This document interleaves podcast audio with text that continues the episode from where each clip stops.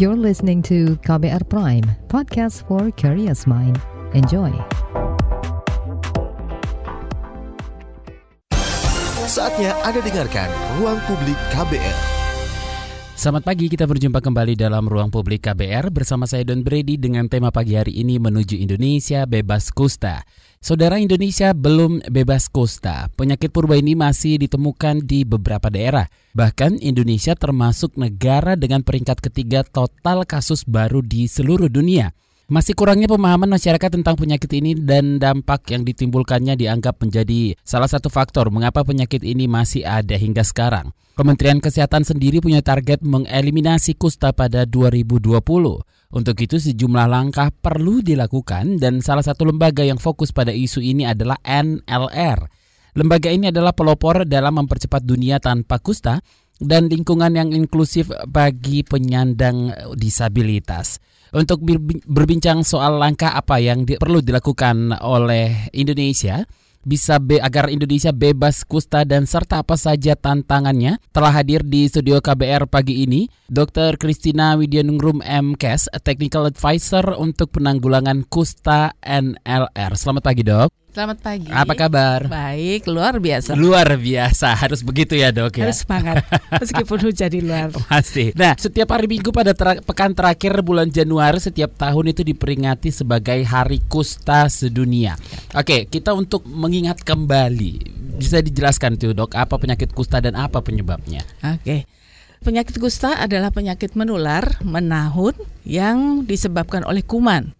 Kumannya namanya kuman kusta Mycobacterium leprae. Mm-hmm. Dia menyerang uh, saraf tepi, kulit dan jaringan tubuh yang lainnya. Mm-hmm.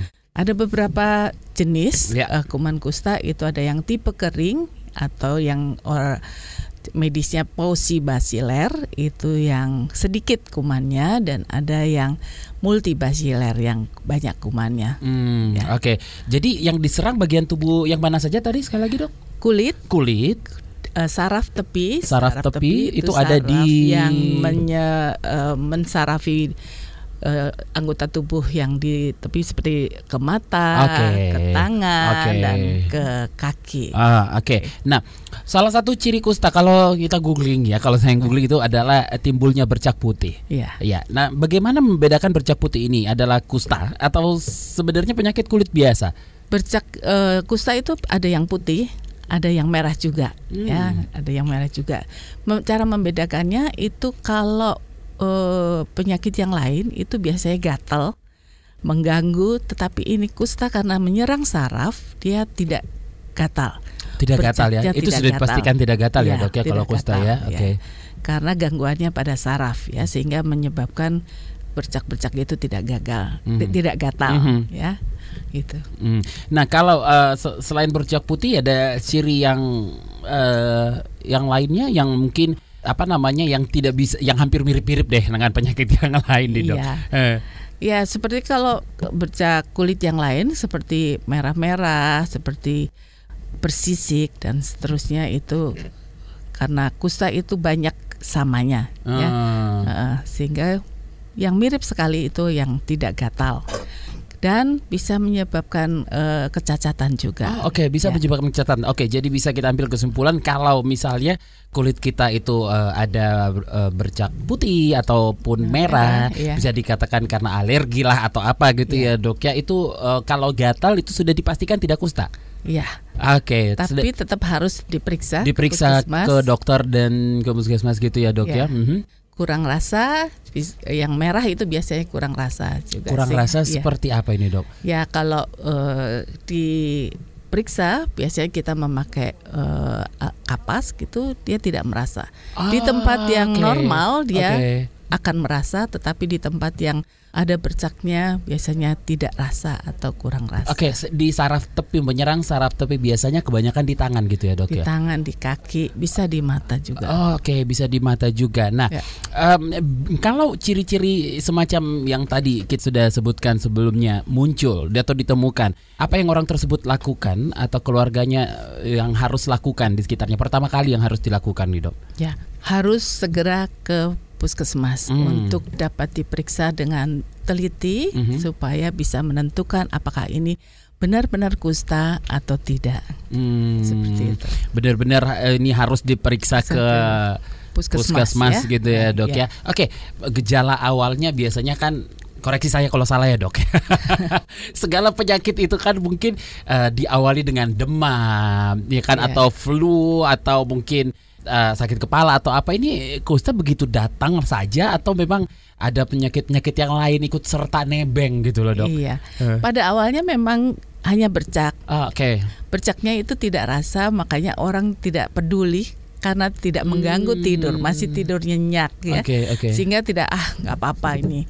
Ya, sehingga waktu nanti ada datang demam, ada yang namanya reaksi ya, Ya. demam, kemudian bercaknya makin merah, kemudian muncul atau muncul benjol-benjol, itu mereka baru eh uh jangan-jangan ini sakit apa ini, langsung cari pengobatan. Hmm. Kalau selama dia masih tidak mengganggu, kadang mereka itu yang aja. cuek ya, cuek berarti ya. nggak dipikirin oh ini bukan kusta atau apa gitu ya. Iya. Ternyata dia diam-diam udah datang aja nggak ada penyakit yang lain yang nebeng biasanya Iya, gitu ya dok ya. biasanya. Oke, nah salah satu eh, persoalan penyakit ini sulit dieliminasi kar- adalah karena kurangnya paham masyarakat atas penyakit ini. Kenapa itu bisa terjadi dok hal seperti ini? Ya, karena kusta ini eh, kurang seksi kelihatannya ya. Kurang seksi. Padahal ini penyakit itu udah lama banget iya, gitu. sudah zaman purbakala. Masih iya. juga kurang seksi Seksi. gitu. Oke. Oke.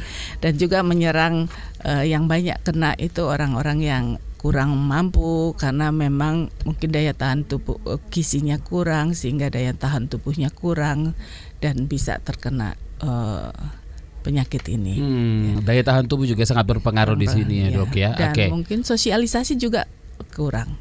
Peran media sangat diharapkan untuk Oke. ini, untuk menyebarkan informasi-informasi yang benar tentang kusta. Hmm, hmm, hmm, Oke. Dan upaya yang telah dan harus dilakukan untuk meningkatkan pemahaman atas penyakit ini di masyarakat sebenarnya sudah ada dong. Sudah dong, Uh-huh. sudah dari sejak lama. Mm, mm, mm. Yang- Tapi kenapa masih kurang eh, apa namanya pengertian di masyarakat soal penyakit ini? Ya, pemahaman masyarakat yang masih salah ya, karena ada eh, apa?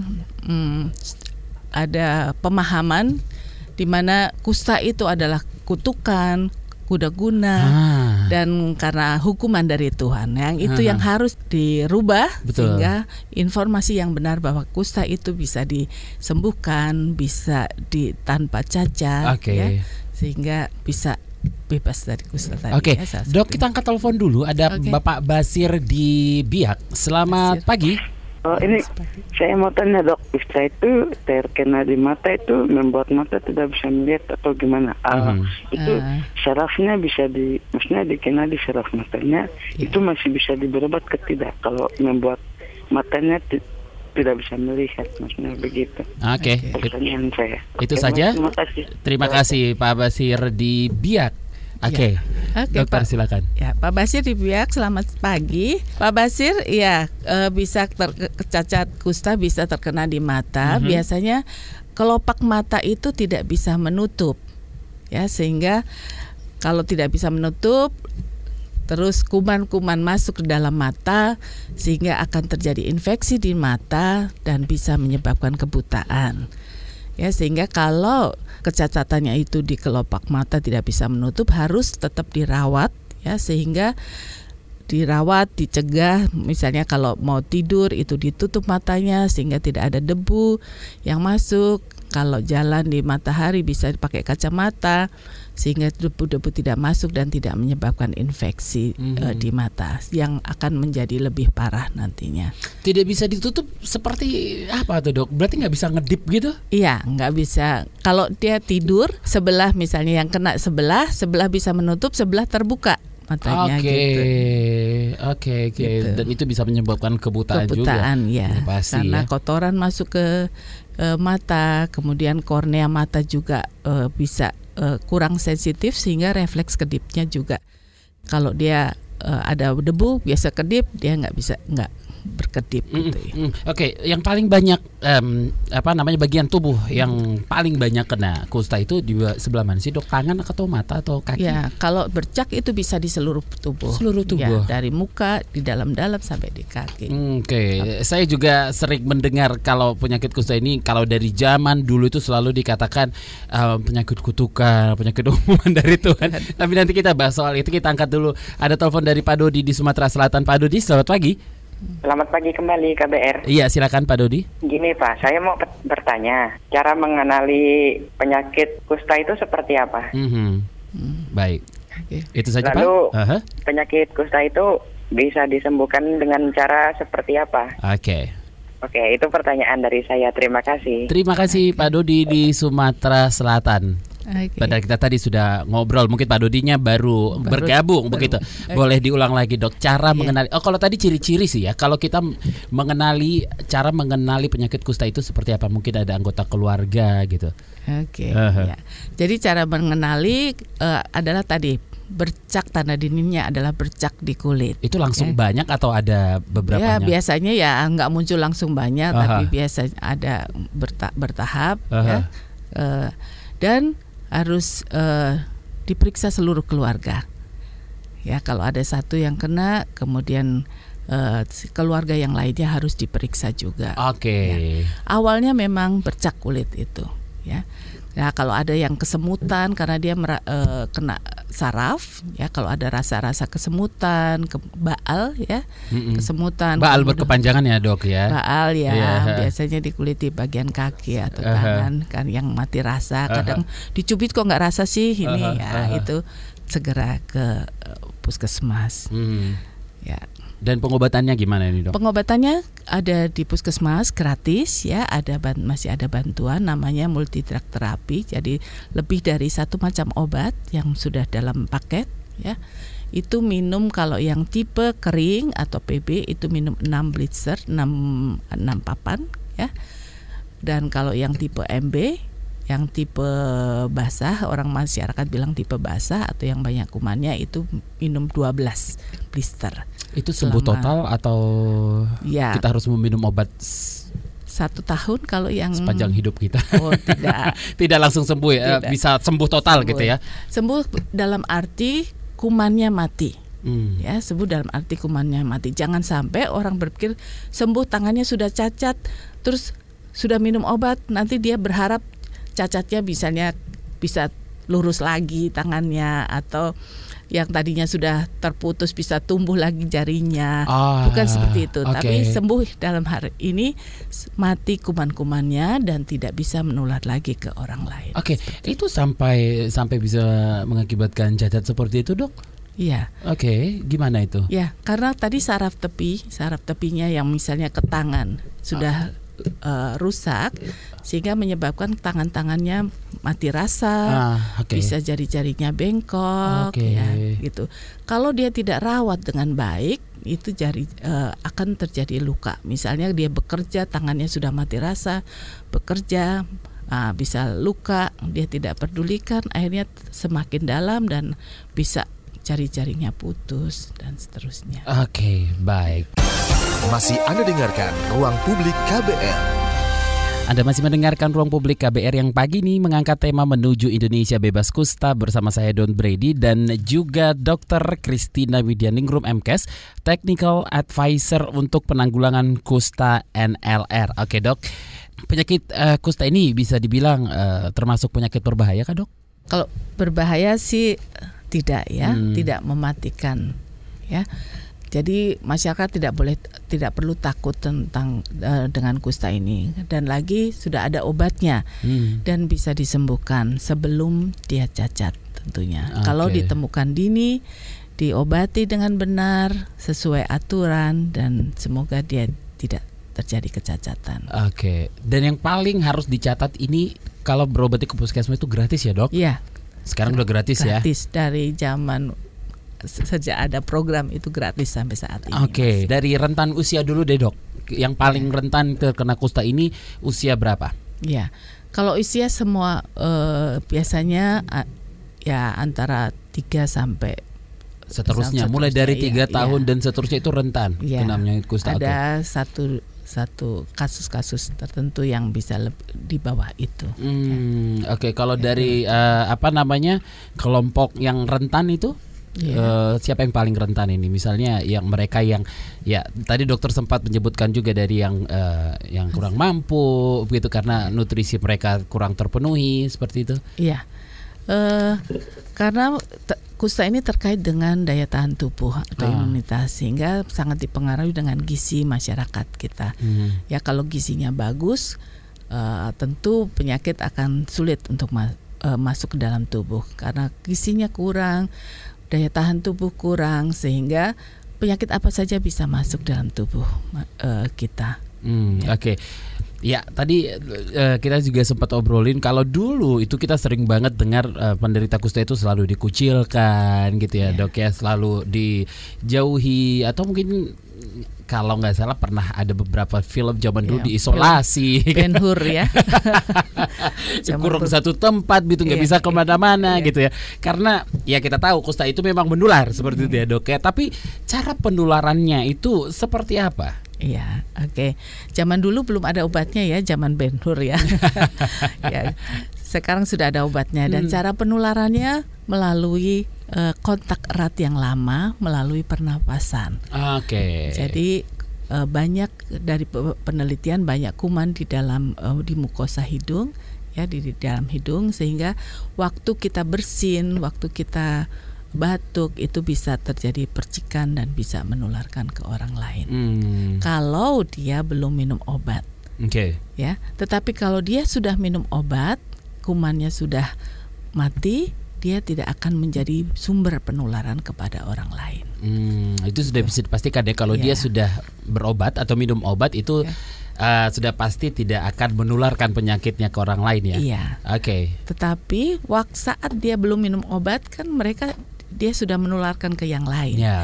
Sehingga keluarga dari orang yang pernah kena kusta itu harus diperiksa semuanya. Hmm. Keluarganya, kemudian tetangga sekitarnya, kemudian eh, mungkin ada teman-teman yang kontak aktif, teman sekerja yang eh, kira-kira ya 20 jam seminggu dia bergaul dengan dia Hmm. perlu diperiksa. Oke, itu hanya dari pernapasan aja bukan dari kontak fisik. Ya kontak kulit selain Kontak kulit, pernapasan eh. kontak kulit kontak erat yang lama Mhm. Ya. Jadi dia misalnya dalam satu rumah dia kan intens Ya. eh, ya eh, bergaul ya sehingga itu sangat mungkin eh, tertular Oke. di keluarganya. Jadi bukan keturunan ya. Kadang orang Bukan tuanya keturunan orang tuanya kena ya nggak anaknya kena akhirnya dibilang keturunan Mhm. tapi bukan keturunan Itu berarti karena, ditularkan ya kontak, fisik ya kayak gitu. yang lama. Oke, kita angkat dulu telepon ada Ibu Lina di Bekasi. Selamat pagi Ibu Lina. Selamat pagi. Silakan. Iya mau tanya ini dokter, kan kusta itu kan eh, dampaknya bisa jari atau kaki, jari kaki, jari tangan Mhm. bisa hilang gitu kan dok Iya. ya atau memendek. Iya. Nah, apakah semua orang kena kusta dampaknya akan seperti itu ataukah karena dia terlambat diobati? Kalau misalnya dia cepat diobati mungkin nggak sampai menghilangkan kaki, jari kaki atau jari tangan kah gitu? Makasih itu aja. Hmm. Oke. Terima kasih. Oke, silakan Dok. Terima kasih Bu Lina ya. Dampak eh, jari hilang itu memang ada pada zaman dahulu ya. Eh, sebenarnya tidak harus seperti itu. Boleh kena kusta tetapi tidak boleh cacat ya.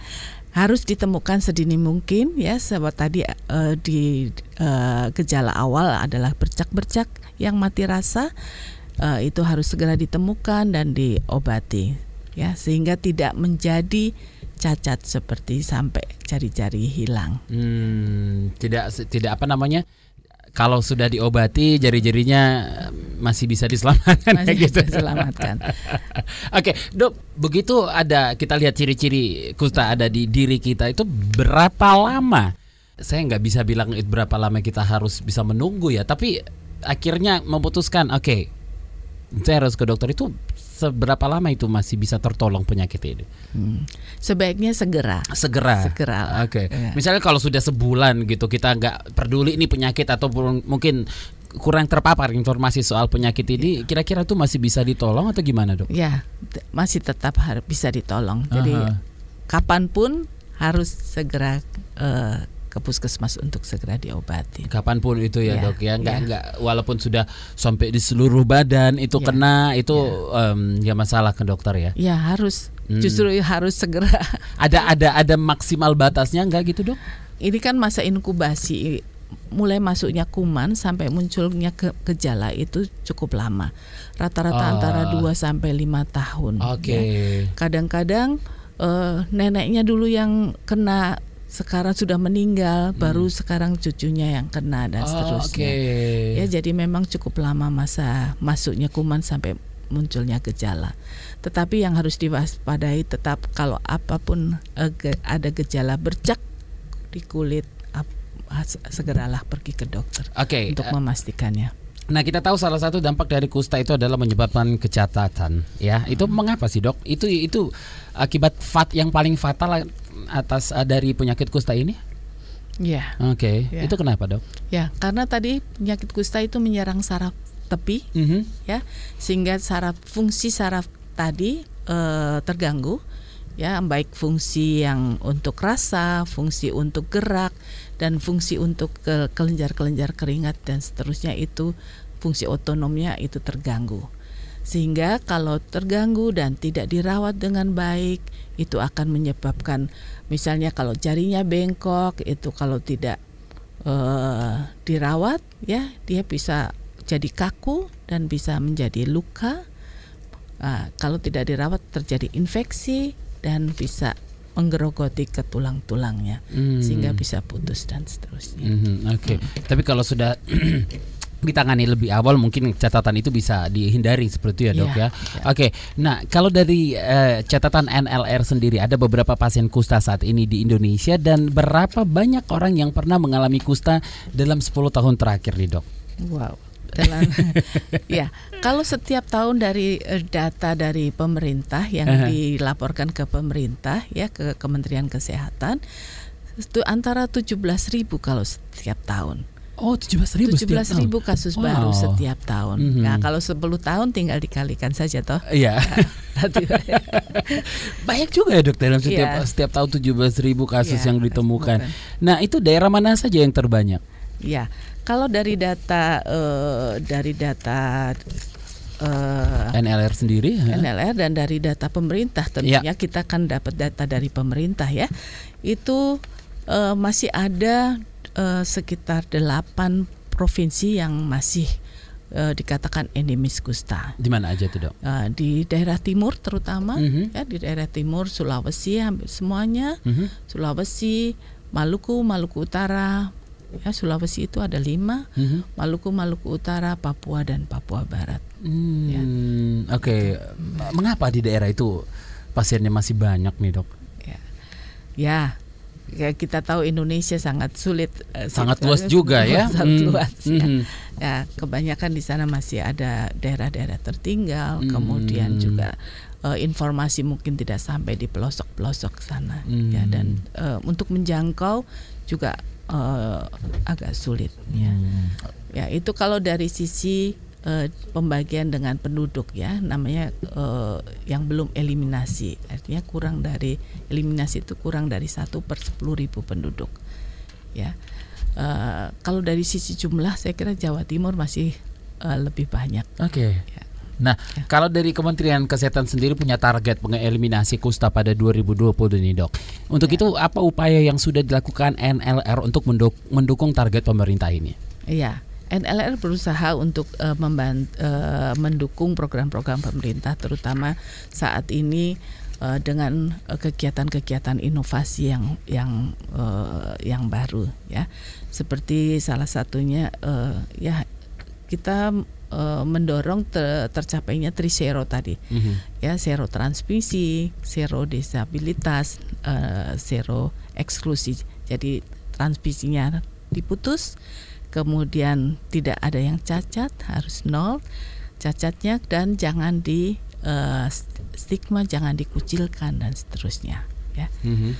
Jadi dengan eh, satu kegiatan inovasi yang baru saat ini adalah dengan kemoprofilaksis.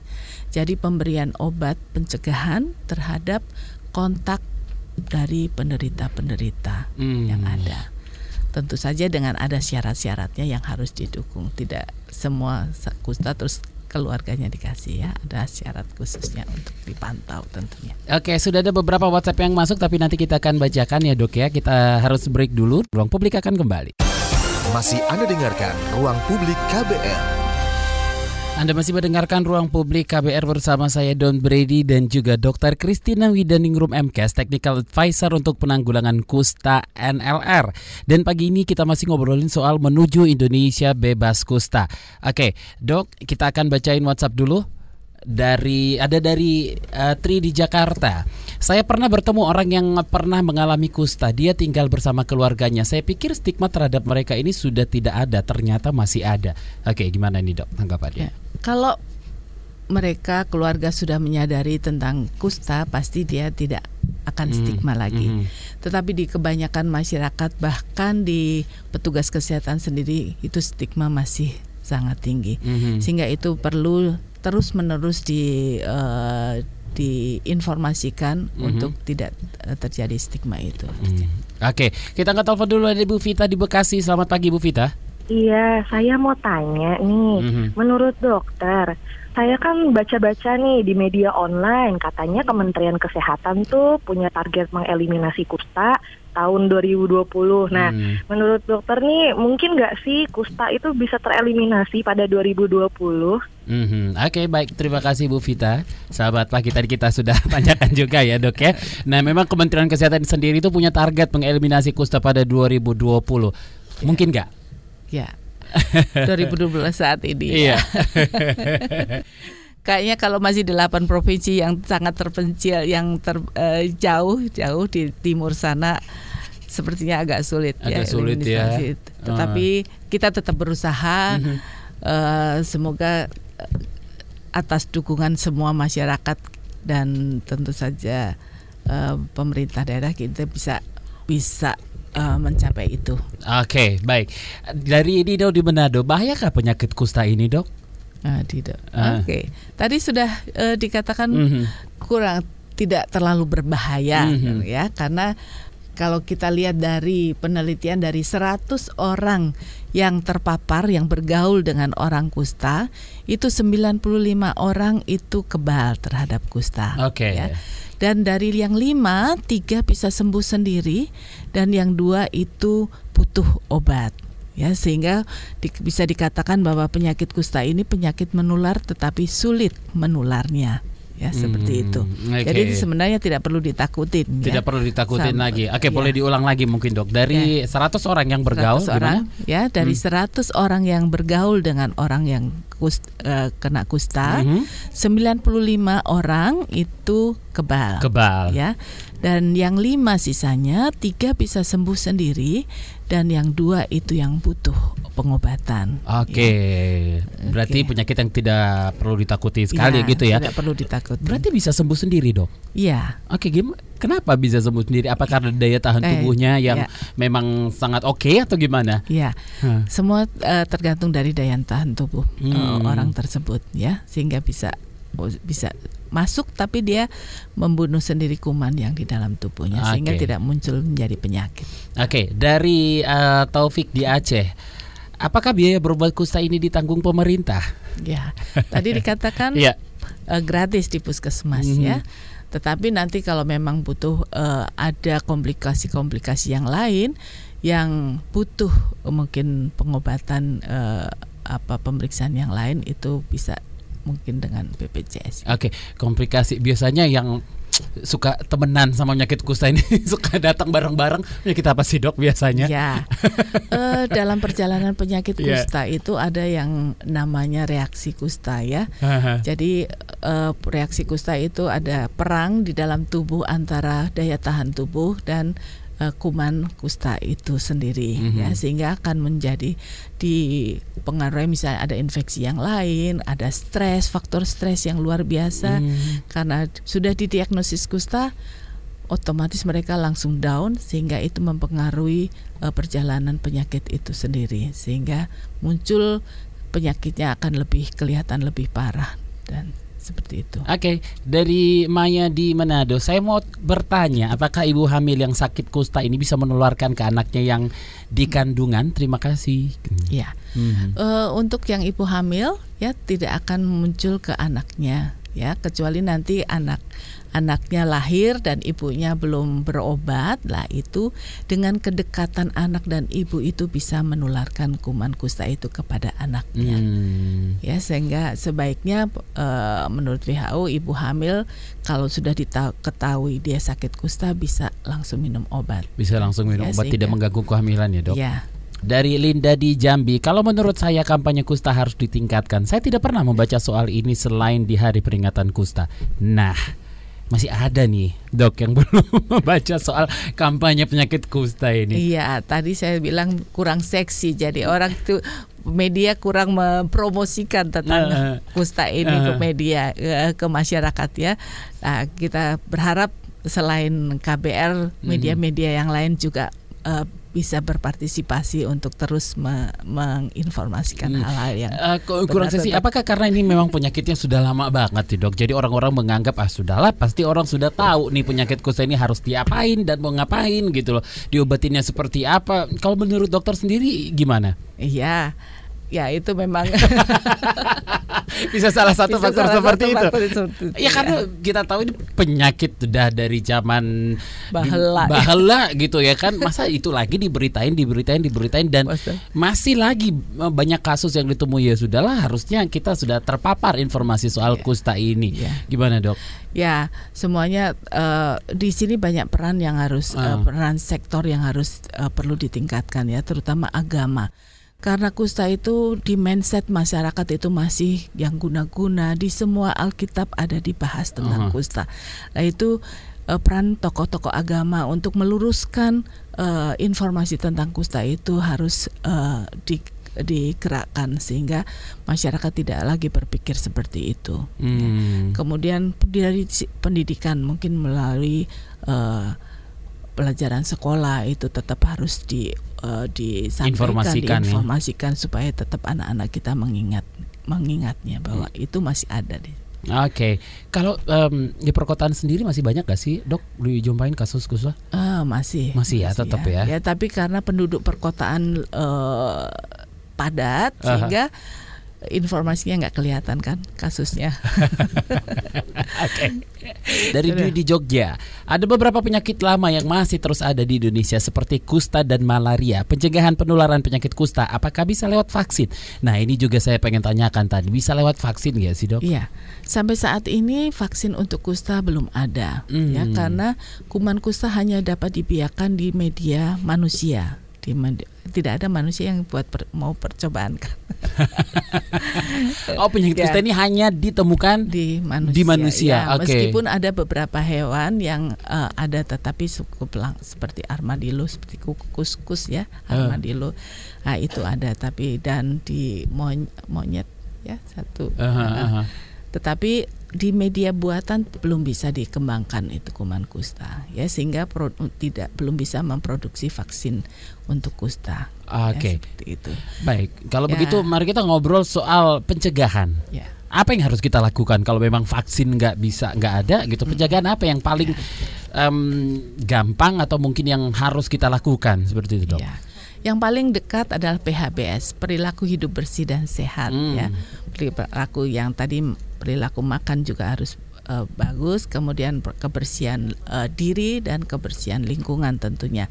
Jadi uh, kemudian lingkungan rumah itu harus juga ada ventilasi sehingga kuman itu tidak terkumpul di dalam rumah dan bisa menulari ke semuanya. Mm -hmm. Dan yang uh, yang terbaru adalah dengan pemberian obat pencegahan kemoprofilaksis. Da, untuk yang di daerah-daerah terpencil itu kalau uh, kasusnya cukup banyak di situ bisa diberikan seluruh uh, masyarakat di desa tersebut bisa mm -hmm. diberikan obat pencegahan. Ya, mm -hmm. kalau yang uh, kasusnya bisa tersebar itu bisa dengan lewat uh, kontaknya, kontak serumah, kontak lingkungan dan kontak uh, sosialnya. Jadi ini ada harapan baru untuk uh, pencegahan. Meskipun tidak mencegah 100% ya, hanya sekitar 60% tapi sudah lumayan untuk uh, bisa uh, lebih mempercepat uh, penularan kusta tadi. Oke, kita ke telepon dulu dok. Ada dari Daman di Bandung. Selamat pagi Pak Daman. Selamat pagi. Silakan. Ya, Bu Ning. Iya. Kalau uh, kusta ini belum ada vaksinnya ya? Mm-hmm. Iya Pak. Tapi tadi bisa dicegah ya dengan apa dengan obat. Jadi semua uh, penderita atau kontak, kontak yang terdekat ya semua kontak di, diberikan ya dengan obat. Obat ini. Itu ya? bagaimana itu obatnya seperti apa, Guning? Oke, okay, baik. Itu uh, saja, Pak. Terima kasih. Baik, terima kasih Pak Daman di Bandung. Kita jawabnya nanti kita harus break dulu. Kita masih ada satu sesi lagi ya, oh, Oke, okay? Jangan ke mana-mana. Tetap di ruang publik KBR. Masih Anda dengarkan ruang publik KBR. Kita tiba di bagian akhir ruang publik KBR hari ini masih bersama saya Don Brady dan bagi Anda yang tidak sempat mendengarkan siaran ini secara utuh bisa mendengarkannya kembali di podcast kbrprime.id lalu pilih ruang publik. Kita masih ngobrolin soal menuju Indonesia bebas kusta dan saya masih bersama Dr. Christina Widaningrum MKes Technical Advisor untuk penanggulangan kusta NLR. Tadi sebelum break kita sudah ada telepon dari Pak Daman di Bandung ya, okay. Bu, uh, yang nanya Kusta ini memang belum ada vaksinnya ya. Obatnya seperti apa yang diberikan dan apakah mungkin bisa saya uh, sempurnakan juga pertanyaannya? Apakah obat yang diminum oleh seorang uh, yang penyakit kusta ini sama dengan uh, anggota keluarga lainnya? Seperti okay. itu. Ya. Pak Daman mm-hmm. untuk yang cara pencegahan tadi ya untuk obat pencegahan itu diberikan hanya satu macam obat ya hanya satu macam obat untuk yang uh, kontaknya. Jadi sebelum pemberian obat itu seluruh anggota keluarga, kontak sosial, kontak ser, uh, lingkungan dan kontak sosialnya itu harus diperiksa dulu terlebih dahulu. Kalau memang dia sudah terindikasi kusta ya diobati dengan obat kustanya. Kalau yang belum berarti dia diberikan obat pencegahannya ada satu macam obat yang namanya uh, perlu disampaikan ya, ya hmm. rifampicin namanya hmm. ya itu pembunuh kuman yang uh, yang diberikan di depan petugas pemberiannya. Oke, okay, dan itu hanya bisa didapatkan dengan cara ke puskesmas seperti itu ya dok? Iya, nanti okay. ada program khusus uh -huh. ya, perlu ada syarat karena ada syarat-syarat tertentu yang akan nanti uh, diberikan untuk uh, mereka. Dokter, Indonesia memang termasuk negara dengan peringkat ketiga total kasus baru di seluruh dunia ya. Seperti apa upaya yang harus dilakukan agar kasus-kasus baru tidak bermunculan? Ya, yang tadi tentu saja penemuan dini harus dilakukan ya ada bercak langsung ditemukan kemudian ada uh, peningkatan kapasitas juga untuk petugas untuk yang melayaninya, kemudian sosialisasi tentunya ya dan yang baru itu obat pencegahan. Hmm. E, seperti apa penanggulangan kusta di, di luar negeri? Apa ada negara yang bebas kusta nih dok? Ya kalau kita dilihat lihat dari zaman Ben Hur dulu kan daerah Timur Tengah sudah tidak ter, terdengar. ya, ya.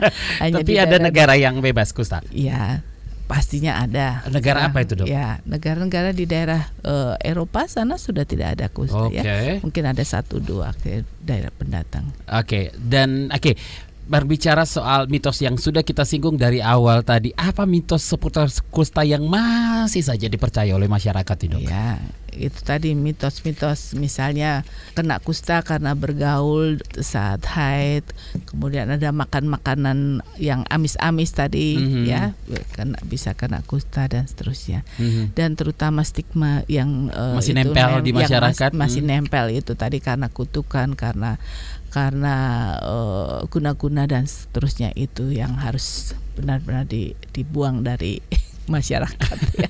itu yang mitos yang menempel banget ya itu ya, guna-guna karena kutukan lah karena iya. apa. Nah, imbauan untuk masyarakat agar makin sadar akan penyakit ini gimana, Dok? Ya, jadi yang perlu disadari oleh masyarakat bahwa kusta itu dapat dicegah dan dapat disembuhkan. Kemudian serak, segera ke puskesmas untuk dicek ya apakah uh, seluruh anggota keluarganya harus diperiksa ya kalau ada uh, salah satu yang kena dan disarankan untuk uh, mendap segera ke puskesmas supaya uh, memutuskan mata rantai untuk kalau memang dia sakit tetap harus diobati sampai selesai supaya tidak uh, menular ke orang lain. Hmm, ya. berapa lama biasanya pengobatan setahun ya gitu? Ya, ya, kalau yang tipe basah atau tipe yang banyak kumannya MB itu satu tahun, untuk yang tipe kering itu enam bulan ya. Okay. Dan satu lagi mungkin jangan jauhi orang yang terkena kusta. Jangan jauhi ya. Ya, orang okay. yang mengalami kusta. Kalau ada pendengar yang pengen uh, mengetahui lebih lanjut soal kusta ini bisa dicari informasinya di mana website atau media sosial NLR mungkin atau mungkin Sosnya ada uh, di ah, ah. Facebook uh fanpage NLR Indonesia dan ada di YouTube at NLR Indonesia. Oke, okay, ya. bisa cari informasi okay. lebih lanjut soal kusta di ya. sana ya. Oke, okay. okay. baik. Dokter Kristina Widanding Group MKS, Technical Advisor untuk penanggulangan kusta NLR. Terima kasih atas waktunya pagi ini ya dok ya. Iya, terima kasih sama-sama. Oke, okay, saya Debradi pamit. Salam. Baru saja Anda dengarkan Ruang Publik KBR.